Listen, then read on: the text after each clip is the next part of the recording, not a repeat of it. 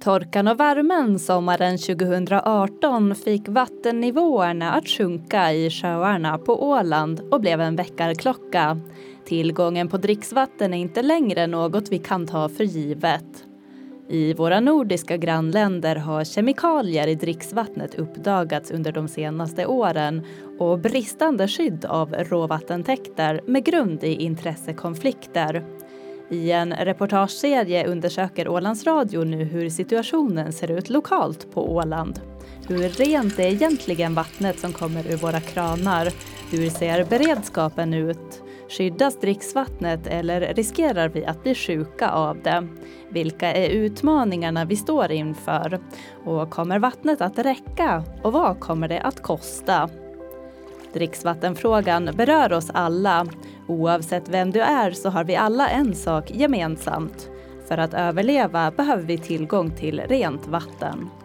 Det här är del ett av serien där vi börjar med en nulägesanalys för att sen blicka framåt. Den som har bäst överblick är Magnus Eriksson, miljöskyddsinspektör på Ålands miljö och hälsoskyddsmyndighet OMHM med ansvarsområde dricksvatten. Ja, idag känns det ju mycket bättre än i fjol vid samma tid. I år nu då så hade det ju varit ett ganska normalt år. De flesta tycker att det regnar lite för mycket men eh, vattensituationen just nu är ju bra. Sjöarna börjar bli välfyllda. Men det intressanta är att grundvattnet är inte jättehögt ännu. Det ligger ganska lågt så att det, det släpar efter. Men eh, generellt så har vi i dagsläget en bra dricksvattensituation om vi jämför med ett år tillbaks. Vi har ju mest ytvattentäkter eh, som vi tar eh, ja, som är råvattnet till dricksvatten. Hur, hur påverkar det då om grundvattennivåerna är lägre än normalt? Ja, det är ju så då att eh, då, ytvattnet så består ungefär till 80 procent av grundvatten. Alltså alla sjöar ligger lågt i terrängen så rinner vattnet dit som kommer runt omkring ifrån och så rinner det ut i sjön. Så det består väldigt mycket av grundvatten. Och har vi då låga grundvattennivåer så kommer också sjöarna att inte återhämta sig på samma sätt. Och, och, det är någonting som man kan se på vissa ställen tycker jag åtminstone. Man kan se vissa spår nu från i fjol. Vad ser du som de största utmaningarna framöver? De största utmaningarna så är nog att vi måste säkerställa för Åland att vi har tillräckligt med eh, bra hushållsvatten. Och det kommer nog att avgöras de närmaste åren vart vi ska gå. Om det blir eh, utbyggnad utav mera ytvattentäkter eller om det blir andra tekniska lösningar som någon hämtar saltvatten och omsätter det till sötvatten. Det vet jag inte men vi kommer att måste ta de besluten ganska snart för det tar ganska länge innan de här processerna är färdiga och allting är i hamn. För att Ålands Vatten som idag är den största producenten så hade ju stora problem då 2018 när, när vi hade det här torråret och det vill vi inte uppleva på nytt. Och samtidigt så har vi fått eh, indikationer på att framtida eh, väderfenomen kommer antagligen att vara liknande. Att vi kommer att ha mera torra somrar kanske, men det kommer också finnas eh, mera intensiva regnperioder. Så att vi måste förbereda oss helt enkelt. Hur eh, förbereder man sig på det? Ja, det är genom att bygga robusta eh, system som vi vet att klarar av de eh, värsta scenarierna. Och det är där som man måste utgå då från. Eh, kanske 20-30 år framåt, hur mycket vatten tror vi att vi behöver? Vilken kvalitet ska det ha? Eh, vilket system klarar av att leverera det om vi får de här eh, förändringarna, klimatscenarierna som man har nu då, aktuella. Eh, vad blir kostnaden för de olika och är vi beredda på att ta dem till exempel? Det, det, man måste ha med alla de där aspekterna och sen måste man våga ta beslut. Majoriteten av ålänningarna har kommunalt vatten, dricksvatten som produceras av råvatten från sjöar, så kallat ytvatten. Undantagen är grundvatten från större gemensamma brunnar i Brändö och Eckerö storby. I Föglö finns en avsaltningsanläggning. Man omvandlar alltså brackvatten från Östersjön till dricksvatten. Därutöver finns en del enskilda brunnar på Åland som vanligtvis ger vatten till ett eller några få hushåll. I dagsläget finns fem vattenbolag som distribuerar dricksvatten från ytvattentäkter. Ålands vatten med Dalkarbyträsk, Långsjön och Markusbölefjärden i Jomala och Finström. Tjänan vatten med Toböleträsk i Saltvik, Bocknäs vatten med Lavsböleträsk i Saltvik, Sundets vatten med Borgsjön i Sund och Kökar kommunalteknik med Oppsjön i Kökar. Ålands vatten producerar och levererar vatten till 75 procent av Ålands befolkning. VD är Christian Nordas. Risken är ju att vi får sämre råvatten. Alltså att vi påverkas av all verksamhet som finns kring nuvarande vattentäkter, alltså sjöar. Att, att, att, att vi måste hitta någon alternativ lösning som en bättre säkerhet än vad vi har idag. Vad kan de alternativen bestå i? Ja, för det första så, så att, att ha verksamheten på en annan ställe. Att man, man inte har allting samlat på ett, ett och samma ställe utan geografisk åtskillnad kan vara en viktig poäng. Det andra kan vara att man hämtar råvattnet från en annan vattenkälla än en sjö.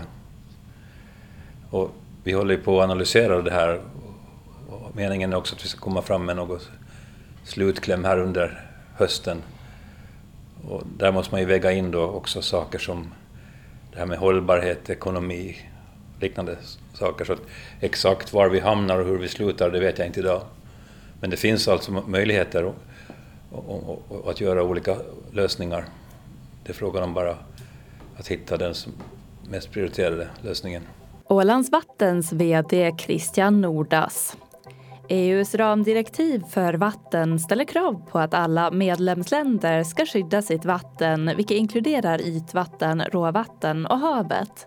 Åland utgör ett eget avrinningsdistrikt och vi har därför tagit fram en egen förvaltningsplan för hur vi ska uppnå god ekologisk status i de stora sjöarna men också de små sjöar som används som råvattentäkter för dricksvatten ska må bra enligt direktivet. Det gör majoriteten av råvattentäkterna inte idag.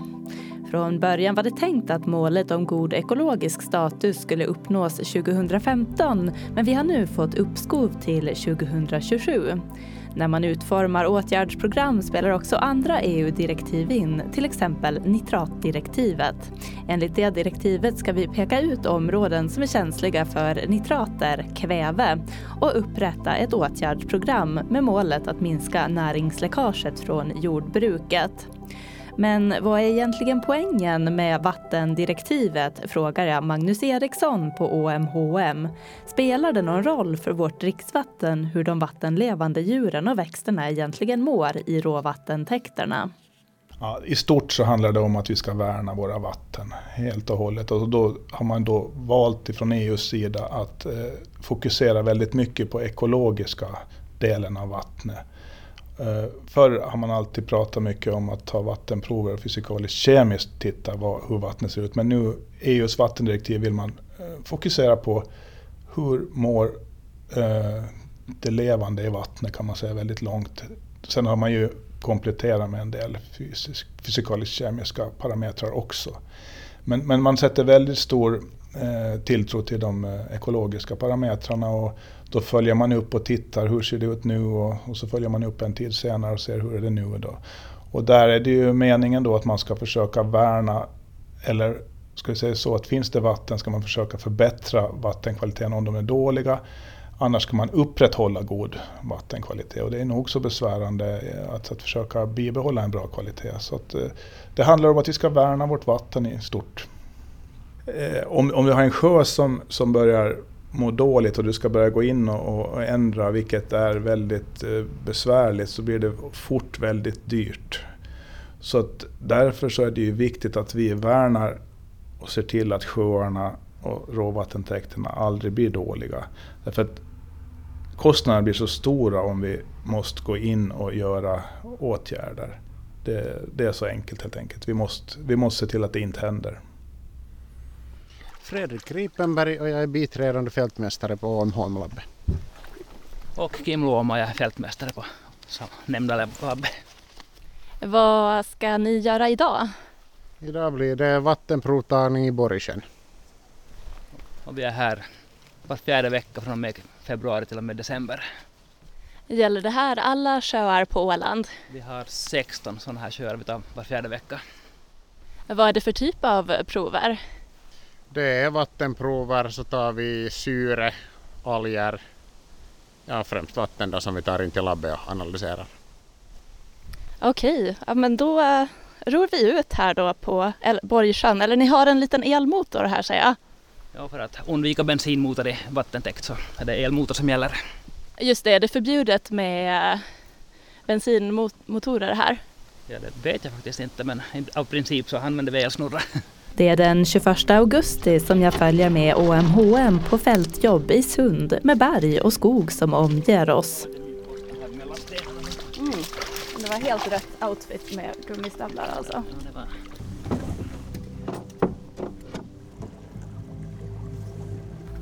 Djupaste stället är sjön och var femte meter. Och sista provet är en meter ovan botten. Så mm, från de prover, det du har kunnat se nu här i Borgsjön, hur skulle du sammanfatta läget här? Det såg nog inte allt så tokigt ut. Syre var inte... Det var sämre syre i botten men att det var nog helt acceptabelt och algerna var inte desto mera. Så det såg nog bra ut. Och men ti- tidigare prover du har gjort nu i somras om man tänker på här i Borgesjön, det var någon som sa att från att ha varit en sjö med väldigt god ekologisk eh, status har man ändå sett en, en viss nedgång nyligen. Ja, och det har blivit lite sämre med syre. Det är ändå låga syrehalten, den som stiger upp i, högre upp i vattenmassan och, och mer alger har det nog blivit. Men att idag såg det bra ut. Men eh, den här eh, liksom över tid lite försämring, vad kan det bero på? Ja, det är svårt att sia om men att det är ju just när det blir syrefritt så lyser det ut näring och så blir det ju ond cirkel av det också. Inte vet man ju om, om, det på, om det påverkar om det blir kalhyggen som kommer näring i sjön och det är svårt att säga. Eh, Och eh, i måndags var du vid Marcusbölefjärden eh, som är ju också en råvattentäkt för dricksvatten. Stämmer det. Och- där var det tyvärr ganska mycket alger. Vi bedömde till en två men att det var alger i hela vattenmassan och det var, det var väldigt mycket blågrönt. Fältmästare Kim Luoma sa det. Marcusbölefjärden är en av Ålands vattens råvattentäkter. Om vi går tillbaka till att det var ett jättetufft år i fjol. Och Vi hade inte någon facit på hur skulle det se ut i år då, om det, det som hände i fjol påverkar det här året. Då kan man ju säga att Marcusbölefjärden har tagit skada av fjolårets temperaturer. Där ser det sämre ut vatten- kvalitetsmässigt än i fjol. Det har varit algblomningar sedan ungefär mitten på juli. Det pågår fortfarande. Långsjön är, är bättre, ser bättre ut än i fjol. Så där, där, ser det, där har det inte hänt någon försämring åtminstone. Men det finns ju samma problematik där som kring Marcusbölefjärden. Det är mycket verksamhet kring områdena. När det gäller Dalkabytsäsk så, så är vi ju med på listan där, det inte, där vi inte uppfyller god ekologisk status. Men då ska man komma ihåg att när man gör de här bedömningarna så gör man det efter ett antal kriterier. Och fiskbeståndet i Dalkabytsäsk var det som gjorde att det inte fick god ekologisk status. VD Christian Nordas. Tillbaka till Borgsjön och Kim Luoma. För det är främst eh, näringstillförseln som är problematisk. Ja, det, det, det skulle jag nog vilja påstå. Mer, mera näring, mera alger och sämre syre. Är det någon annan eh, sjö som sticker ut i sommar? Ja, vi hade faktiskt ganska mycket alger i Östra Kyrksunda i förra veckan också. Då var jag på semester men då var det Fredrik som var dit. Sen hade vi, vi var till Toböleträsk i, också i måndags och då var det dåligt med syre. Det var sex meters djup för det, i princip noll. Och den är ju totalt nä- nästan 17 meter djup. Så det är en ganska stor del av sjön som är syre, utan syre.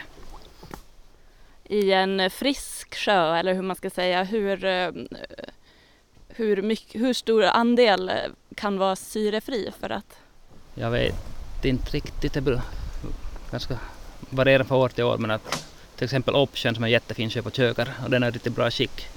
Så det, det brukar också vara syrefritt men bara på botten som sista metern. Och det är väl ganska naturligt att det blir så. Ja, Toböleträsk i Saltvik är en av de sjöar som har problem med syrefritt vatten och den ekologiska statusen bedömdes vara måttlig mellan 2012 och 2018 främst på grund av höga halter av fosfor. Runar Karlsson är ordförande för Tjänan Vatten, ett mindre bolag som har Toböleträsk som råvattentäkt. Jag frågade honom hur bolaget jobbar med att förbättra vattenkvaliteten. Ja, vi har väl jobbat ganska länge eh, på, på, olika sätt. Delvis så har vi då tidigare lite pratat med jordbrukarna som är inom tillrinningsområdet för att upplysa om att, att vad man ska tänka på. Och där finns det säkert mer till att göra. Vi har också för ganska många år sedan eh, placerat en så kallad syresättare i en av djupgroparna i Tobersträske. Det är ju så att det har varit syrebrist. Eh, har två djupgropar och det har varit syrebrist i de här djupgroparna. Vilket betyder då att den fosforn som ligger på botten anrikas upp i vattnet igen. Det är så att fosforn i regel sjunker ju ner till botten. Eh, den fosforn som inte löst i vatten. Men, men, eh, och där har man ju, för att det ska förhindra det så har man satt en, en syresättare alltså som, som, som, som ger vattensyre i djupgropen. Då. Och det där har ju gett resultat och vi kan ju, vi kan ju se nu att det, det är mycket lägre fosforhalter och, och, också då att det har blivit mera syre i djupgropen. Då. Och sen har vi då tidigare tog vi ju vatten ganska, på ganska djup, djupt eh, ställe men eh, här i somras så höjde vi upp intaget någonstans till mellan 4 och 5 meter. Den har varit på 7-8 meter tidigare. Så vi har försöker liksom lite på den, den vägen också se till att, att det vatten vi levererar då så har tillräckligt mycket syre i sig. Tjänan Vattens Runar Karlsson. Tillbaka till OMHMs kontorsbyggnad i Mariehamn och miljöskyddsinspektör Magnus Eriksson.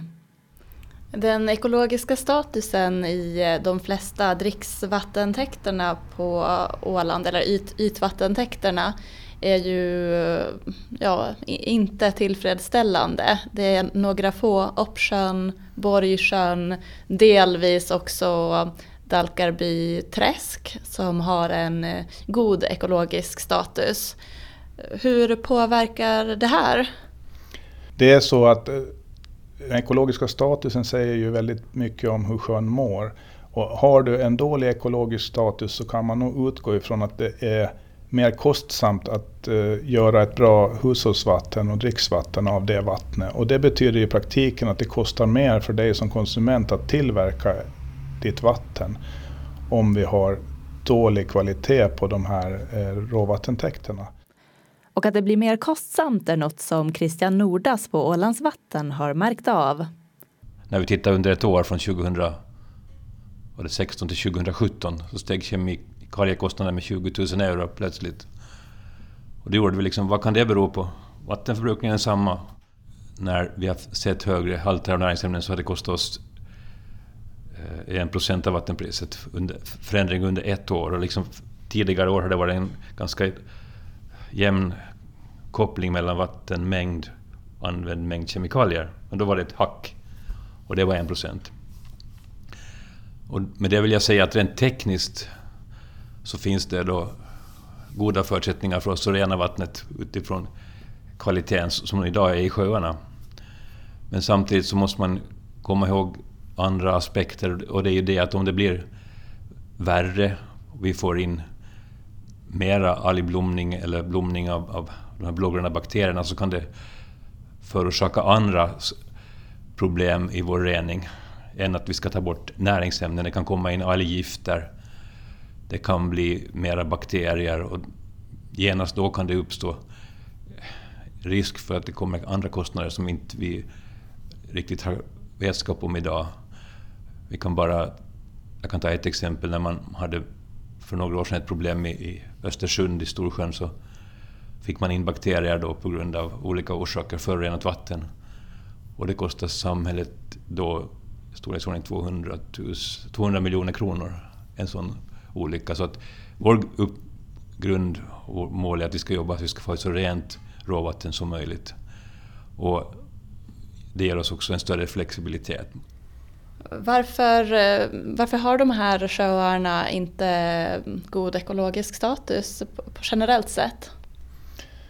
Ja, generellt, det är ju det att i de här flesta fallen som du nu på Åland så det handlar om att de har eh, problem med näringen. De har för mycket näring i sig och det leder till andra problem. De får syreproblem och, och det här blir en sån här liten ond cirkel som, som, som är svår att få stopp på. Man har ju mm, på 80-talet satt in syresättning i Marcusberg och Långsjön förut och lyckats hejda de här nedåtgående spiralerna. Det är väl säkert något liknande man kan tänka sig att göra igen då för att få eh, lite konstgjord andning på de här sjöarna för att förbättra deras eh, ekologiska status.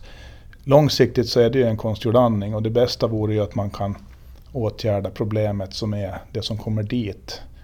Vissa delar är lättare och andra är svårare. Det är ju stora avrinningsområden. De här externa näringstillförseln då, ehm, vad, vad består det av? Du säger att det är fosfor framför allt. Var, varifrån kommer, kommer det? Fosforn kommer ju från, från land främst och från åkrar och jordbruk och så. så det, och, men däremot så det som man ofta glömmer bort är att det finns ju oftast redan i sjöarna en väldigt stor mängd bundet fosfor som om det blir syrefritt kan frigöras och också komma tillgängligt i vattenmassan.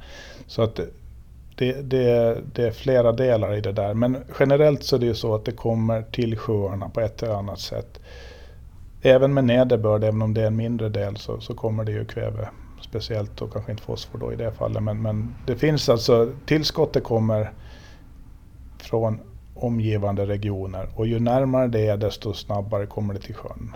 Och det är det som är också det viktigaste, att man ser till att man kanske har system som är sådana att det inte spolar ur och kommer direkt in i, i råvattentäkterna utan att man kanske har något att det stannar upp innan det når till vattentäkterna till exempel. Någon typ av fosforfälla? Ja, våtmark, fosforfälla, det finns olika lösningar, alltså olika sätt. Eh, får vattnet att stanna upp så brukar ju åtminstone det partikulära fosforet sätta sig i dikena och sådär. Så att, jag menar, det finns olika lösningar, vi vet ju om dem att det finns en massa olika. Det handlar ju bara om att kanske delvis eh, göra slag i saken och vidta åtgärder. Jag vet ju att det finns en hel del planer nu vid åtminstone Ålands vattens avrinningsområden och det hoppas vi att ska, ska komma igång på allvar och se vad det leder till. Förutom jordbruk, eh, hur är det med skogsbruk? Kan det påverka den ekologiska statusen?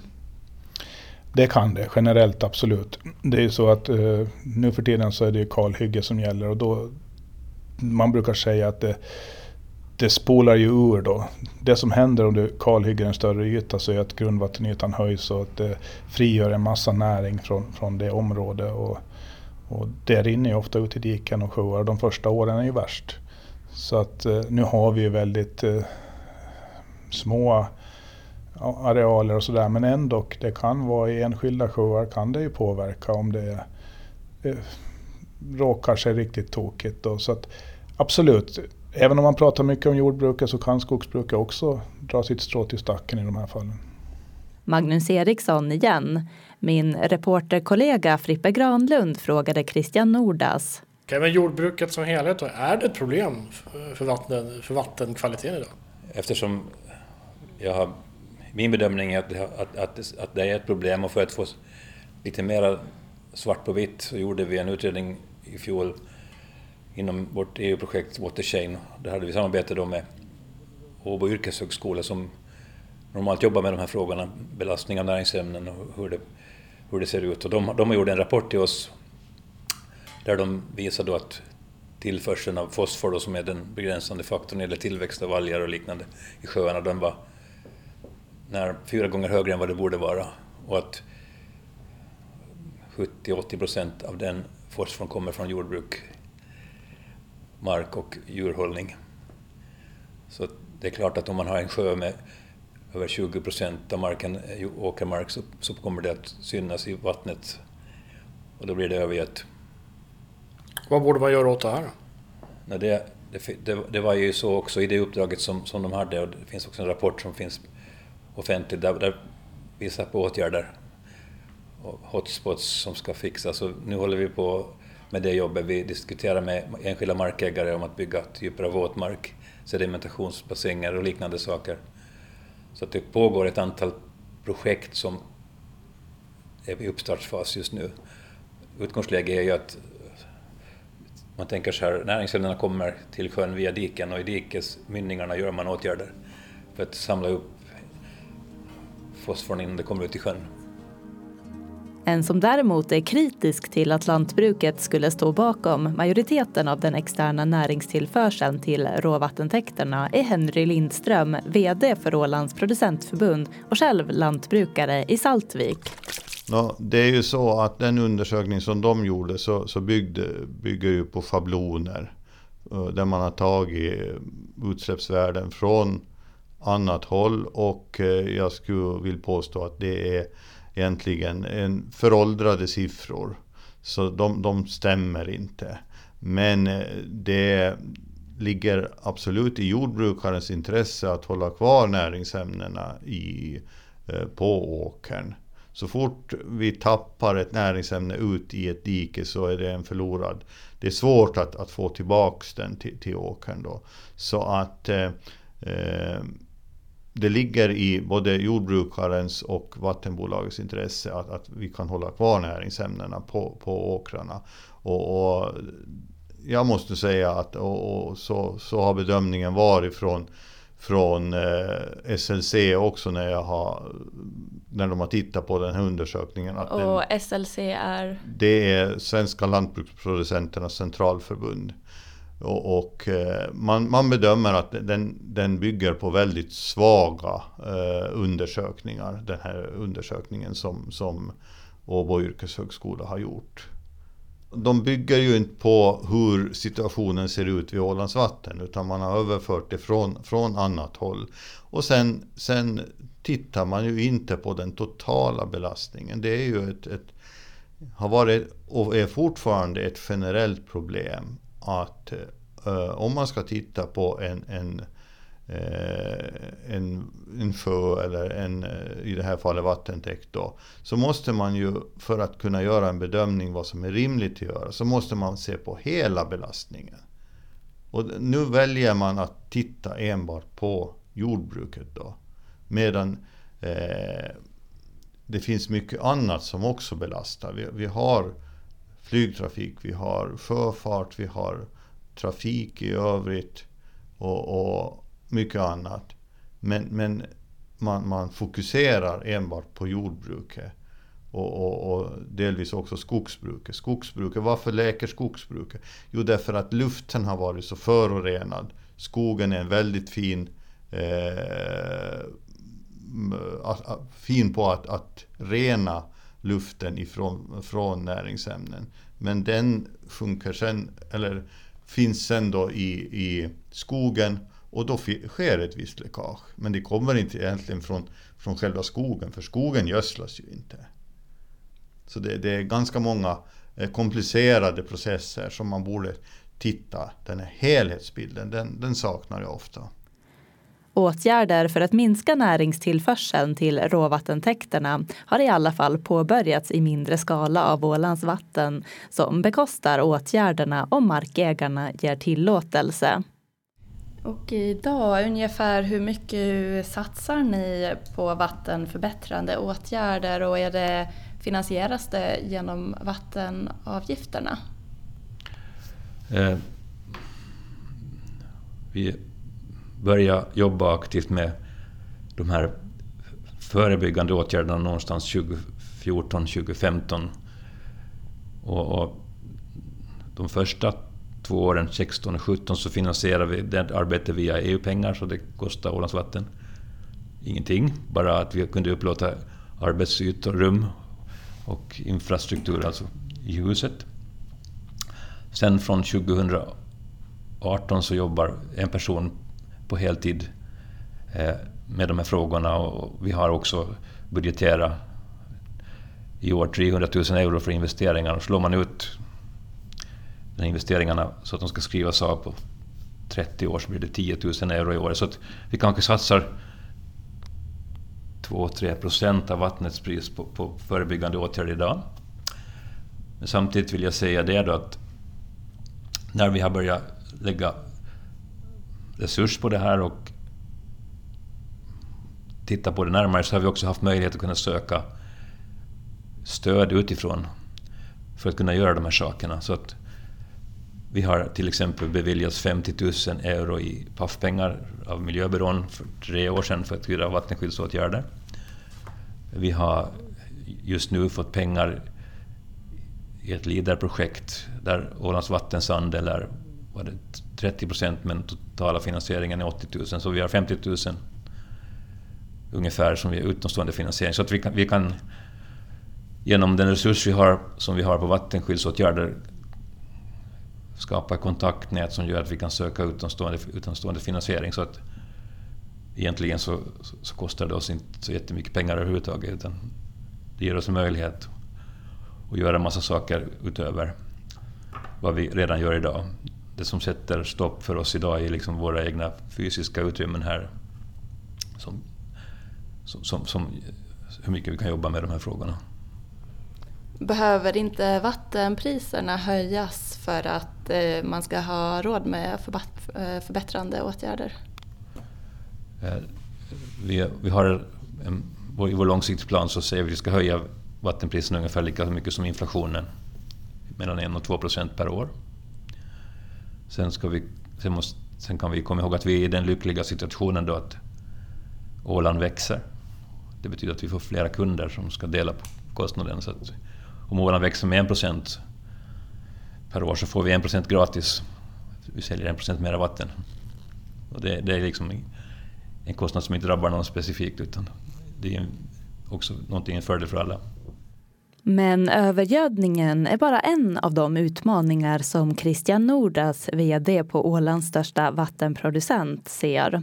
Det finns också andra hot mot ett hälsosamt dricksvatten. Om vi ser nu att... Vad kan hända? Liksom? Du kan få ett utbrott av någon sjukdom som, kommer, som sprids via spillningar från djur, typ från nötkreatur. Någon sån här magtarmbakterie som, som av olika orsaker smyger igenom vår rening eh, och kommer ut i samhället och liksom skapar en sån epidemi. Det liksom händer runt om oss en gång, tio gånger per år i Sverige. Sådana saker. Sen kan det hända att någon grävmaskinist är ute på ledningsnätet och gräver av en vattenledning och sen inte hör av sig när han, när han försöker reparera den till ovans vatten så att vi får göra en bra reparation. Och på det viset kommer det in smutsigt vatten. Det är väl de stora riskerna. Eh, sen så, så vet jag ju inte, vi tar ju jättemycket prover och vi följer med. Det som jag kanske mest är rädd för är sånt som man inte ser. Då. När det är grumligt och smutsigt så ser man, då reagerar människor. Men om du om vattnet innehåller någon form av bekämpningsmedel som, som används på någon speciell gröda så ser du inte.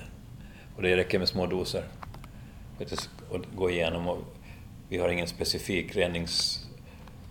Eh, vi har ingen maskin speciellt för det utan det som gör att, att det här fungerar, fungerar bra är att vi har filter med aktivt kol och det är liksom en sån allmän filter som tar ganska mycket olika ämnen och suger upp.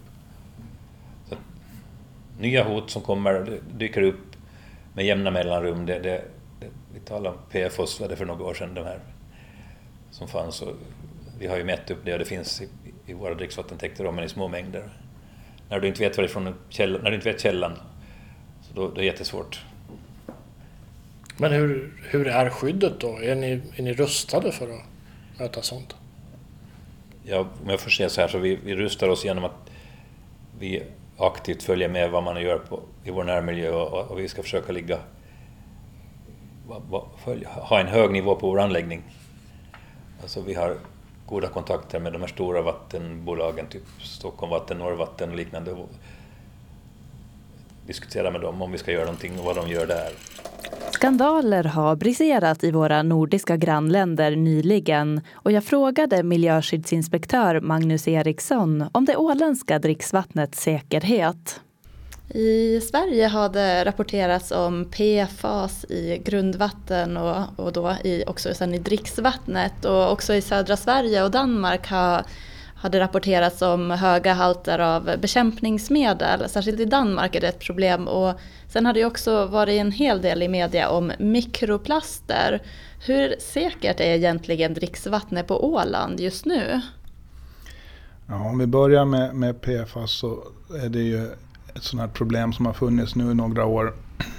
Och det, när den kom, den där rapporten i Sverige där man eh, hittade, och då var det i första hand brandskum och på de platser där man hade sådana här brandövningar som man hittade väldigt höga halter av de här eh, eh, väldigt tokiga kemikalierna. Så då kontaktade vi eh, alla brandmyndigheter på Åland och de sa att vi har ingen liknande på Åland.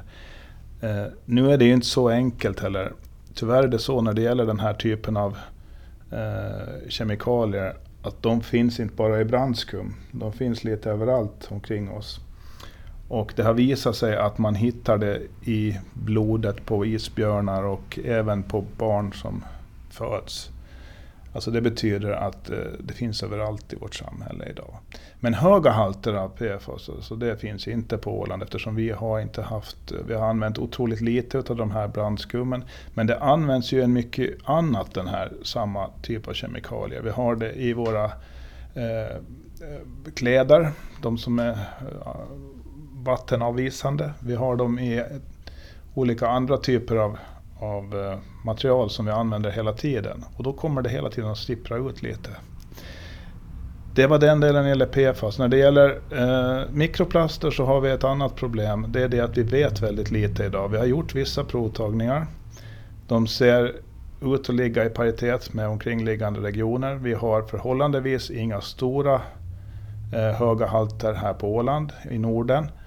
Eh, om man jämför med andra undersökningar runt omkring från resten av världen. Men man vet väldigt lite i dagsläget och det som antagligen kommer att hända med framtiden, i framtiden är att vi kommer att få reda på hur vi ska hantera det här. Och jag tror att det kommer att vara så då att de större mikroplasterna är inte stora problemet utan det är de här så kallade nanoplasterna, alltså de riktigt små delarna, partiklarna. Så det man måste göra och tänka på det är att vi aldrig släpper ut någon plast i naturen. Därför att de blir förr eller senare mikroplaster och nanoplaster. Så jag tror vi kommer att måste ändra vårt beteende lite där. Men det är inget som eh, verkar vara problematiskt i dricksvattnet som det är idag? Nej, alltså igen, återigen. Vi har inget problem när det gäller PFAS, vi har inget problem när det gäller mikroplaster i dagsläget. Vi, kan, vi följer hela tiden med vad myndigheterna runt omkring oss säger och följer med den eh, intensiva forskning som pågår så tillvida så att vi får reda på om det är någonting som vi måste vidta åtgärder. Bekämpningsmedel då? Det, man har bland annat hittat mm, i södra Sverige, i också ytvattentäkter har man hittat eh, bland annat glyfosat som kommer från ogräsbekämpningsmedlet Roundup bland annat till exempel här på Åland så besprutas ju potatis en hel del. Bland annat eh, tidigare mycket med mankoseb. Hur ser det ut på Åland med dricksvatten och bekämpningsmedel? Det ser väldigt bra ut. Mig veterligen så finns det ingenting som indikerar på att vi har något problem när det gäller det. Och det ska vi vara otroligt glada för. Mycket av det beror på att vi har ytvattenbaserat eh, hushållsvatten på Åland. Det är det som är den stora skillnaden. Skulle vi ha mera grundvattenbaserat skulle riskerna kunna bli lite större. Det är därför att det späds oftast ut de här eh, mängderna så att det blir ingenting kvar nästan om man eh, får det i en stor sjö. Men vi vet att vi har mycket intensivt odlade och eh, marker och det finns sandiga områden och de kommer garanterat att släppa ut. Så det, det, finns säkert områden där det kommer ifrån lite på Åland som kommer också ut i diken och vatten. Det som vi har sett är att det finns väldigt små och låga halter det som är uppmätt. Så att jag tror väl att i det stora hela så är det hyfsat bra på Åland. Men eh, det finns garanterat lite här på Åland också. Men ingenting som är farligt och definitivt inte i dricksvattnet när man tittar på eh, de här kraven på att eh, testa hushållsvatten så ser man att de små vattenbolagen har ju inte samma lagstadgade krav på att testa sitt vatten lika ofta som de stora bolagen. Det som är stort då på Åland är ju Ålands vatten. Finns det, finns det risker med det här när, eh, när visst vatten testas mindre? Jo, det där finns ju i, i lagstiftningen då ungefär hur mycket du ska ta prover och då så är det ju en, ska man säga, man har gjort en bedömning då att ju fler som använder ett vatten desto viktigare är det att man tar, tar mera prover. Och de här små vattenbolagen då, så de är ju väldigt små och det är väldigt få människor det berör. Då har man satt en betydligt glesare intervall mellan provtagningarna. Så att det är klart, händer det någonting så är det ju mycket glesare provtagning. Därför är det kanske viktigt i de fallen då att om man upptäcker något konstigt, att det smakar eller ändrar karaktär eller du börjar må dåligt eller någonting, att man snabbare kanske tar ett prov bara för att kolla att det inte är något fel på det. Men, men eh, enligt eh, gällande lagstiftning och sånt så stämmer det att de tar betydligt mindre vattenprovtagning. Där. Men att jag har inte sett några stora problem här på Åland under de år jag har varit ansvarig åtminstone. Det finns en allmän diskussion att vi ska ha ner utsläppen av näringsämnen. Det finns liksom krav från EU och från landskapsregeringen. Om jag nu tittar eh, vad experterna säger när det gäller dricksvatten och annat så är ju det som är det viktigaste egentligen är att se till att vi inte får, får i oss ämnen som på något vis påverkar oss. Det kan vara bekämpningsmedelsrester, tungmetaller. Det är ämnen som i små mängder kan göra stor skada åt oss. Och därför så i diskussionerna i Sverige kring vattenskyddsområden så är det framförallt begränsningen av användningen av bekämpningsmedel som har varit den stora och viktiga frågan. Att inte använda så mycket bekämpningsmedel på åkermark som är i, till vattentäkter. För du vet inte vilka långsiktiga effekter bekämpningsmedel har på vår människan eller djur som dricker vattnet. Så det kanske är den i sak viktigaste åtgärden, att liksom minska användningen av bekämpningsmedel som en säkerhetsrisk för att vi inte vet vilka effekter det kan ha. Det kan vara forskning som inte ens är gjord idag, som kommer att visa att vissa saker som vi gjorde på, på nu eller för tio år sedan inte var bra för oss. Eh, så det få bort, minska användningen av bekämpningsmedel, absolut, tycker jag det är mycket viktigt. Det andra är då att eh, försöka få bort användningen av, om det finns tungmetaller. Nu är vi lyckligt lottade, vi har inga tunga industrier eller annat kring våra vattentäkter, men att typ kadmium, bly och liknande saker. Vilken mänsklig aktivitet är det de tungmetallerna kommer från? Kadmium finns som en biprodukt när man bryter konstgödsel. Eh, så att från gödsel kan det läcka ut kadmium. Och i de nya EU-direktiven som är under bearbetning, det kommer att komma nya EU-vattendirektiv för 2021. Där, finns det, där sänker man gränsvärden. Eh, alltså gränsvärden säger hur högsta halten man får ha används som, riks, som kan användas som dricksvatten. Just på en del av de här tungmetallerna, det kan vara bly och kadmium som är som jag, jag, tror att de båda är med och som man sänker nivåerna där. Vad har vi för bly och kadmiumnivåer idag? Väldigt låga. Absolut. Så det är inget, jag ser inte det som något problem. Men det kan ju också vara så att vi får förändrade nederbördsförhållanden. På det viset kan du skapa nya utsläpp som du inte har idag. Utläckage från, på grund av pH-förändringar i mark och så vidare. Som gör att situationen ser annorlunda ut. Så att jag vill inte skrämma upp någon. Jag säger att näringsämnen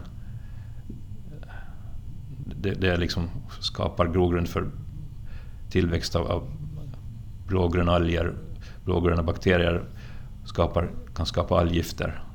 Vi har hyfsat bra reningsanläggningar som kan ta den via sand och kolfilter och annat. Och det finns en plan på hur man ska göra för att minska näringshemsbelastningen. Det finns alltså inskrivet i uppdraget från EU och myndigheterna i övrigt. Men sen hur vi hanterar ämnen som vi inte riktigt har 100% kännedom om Det, det, det blir mycket svårare och därför ska man ju välja försiktighetsprincipen när det gäller verksamheter kring, kring sådana verksamheter som skapar sådana saker, då, utsläpp. Och det här, de här föreskrifterna de säger också avstånd kring konstgödsel. Mm. Det står till exempel att konstgödsel ska myllas ner omedelbart om det används i den primära skyddszonen, alltså 100 meter eller närmare stranden. Den ska alltså täckas in i, i jorden? Jorden direkt så att den inte liksom ligger och får, du får ingen nederbörd på den som kan liksom dränera ut direkt. Sådana föreskrifter finns det. Och idag? Ja, så är det också idag i princip, men, men det, det, blir en förstärkning av det här då. Man säger exakt vilken zon det är. Så det, det är en förtydligande förbättring. Så det är en av de eh, saker du tänker kan ge ett större skydd då mot tungmetaller? Jo, men jag menar vi har inget problem med tungmetaller idag men det är någonting som vi inte vet, inte vet om tio år vad det kommer fram utan att tillämpa försiktighetsprincipen i alla lägen är viktigt. Och föreskrifterna som Ålands Vattens VD Christian Nordas talar om är de allmänna skyddsföreskrifterna för råvattentäkter som man hoppas att ska godkännas nu i höst. Vi har kommit fram till slutet av seriens första avsnitt. Vi har hört om behovet av en ny råvattentäkt på Åland och att framtiden får utvisa om valet faller på ytvatten, grundvatten eller avsaltning. Det här kommer vi att titta närmare på senare i den här reportageserien. Vi har sett att extern kväve och fosfortillförsel liksom ett internt frigörande av gammal fosfor från sjöarnas botten skapar problem i majoriteten av de befintliga ytvattentäkterna. Det blir något dyrare att producera dricksvatten på grund av övergödningen och om det blir riktigt illa kan också alggifter orsaka höga kostnader för samhället. Blågröna alger är ett tydligt tecken på att en sjö inte mår bra. Men det är inte bara det vi ser med blotta ögat och det som forskningen känner till idag som kan orsaka problem för vår hälsa i framtiden. Försiktighetsprincipen bör styra, menar Ålands Vattens VD. Men är det devisen som råder idag? Hur väl skyddas egentligen råvattentäkterna på Åland idag och inför framtiden? Det här kommer vi att fördjupa oss i i avsnitt 2 och 3 av Ålands Radios reportageserie om dricksvattnet. Jag heter Rebecka Björkholm och jag har producerat det här programmet. Frippe Granlund har gjort en av intervjuerna med Ålands Vattens VD Christian Nordas. Ljud Fredrik Hittonen.